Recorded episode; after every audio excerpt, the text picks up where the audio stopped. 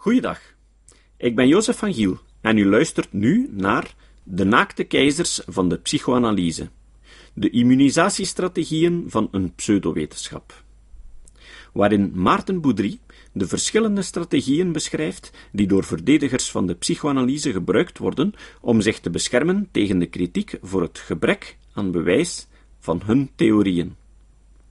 Maarten Boudry schreef deze tekst in het kader van zijn doctoraal proefschrift in de filosofie aan de Universiteit van Gent. Hij kreeg voor zijn werk de Thesisprijs van Skep, een prijs die uitgeloofd wordt voor eindwerken die een pseudowetenschappelijk thema kritisch onderzoeken. Ondanks het hoge intellectuele niveau, een doctoraatsthesis waardig, dat deze tekst haalt, is ze toch goed toegankelijk voor de niet-filosoof. In de eenvoud toont zich het genie. Daarom besloot ik om Maarten Boudry te contacteren en hem te vragen of ik zijn tekst mag inspreken als luisterboek.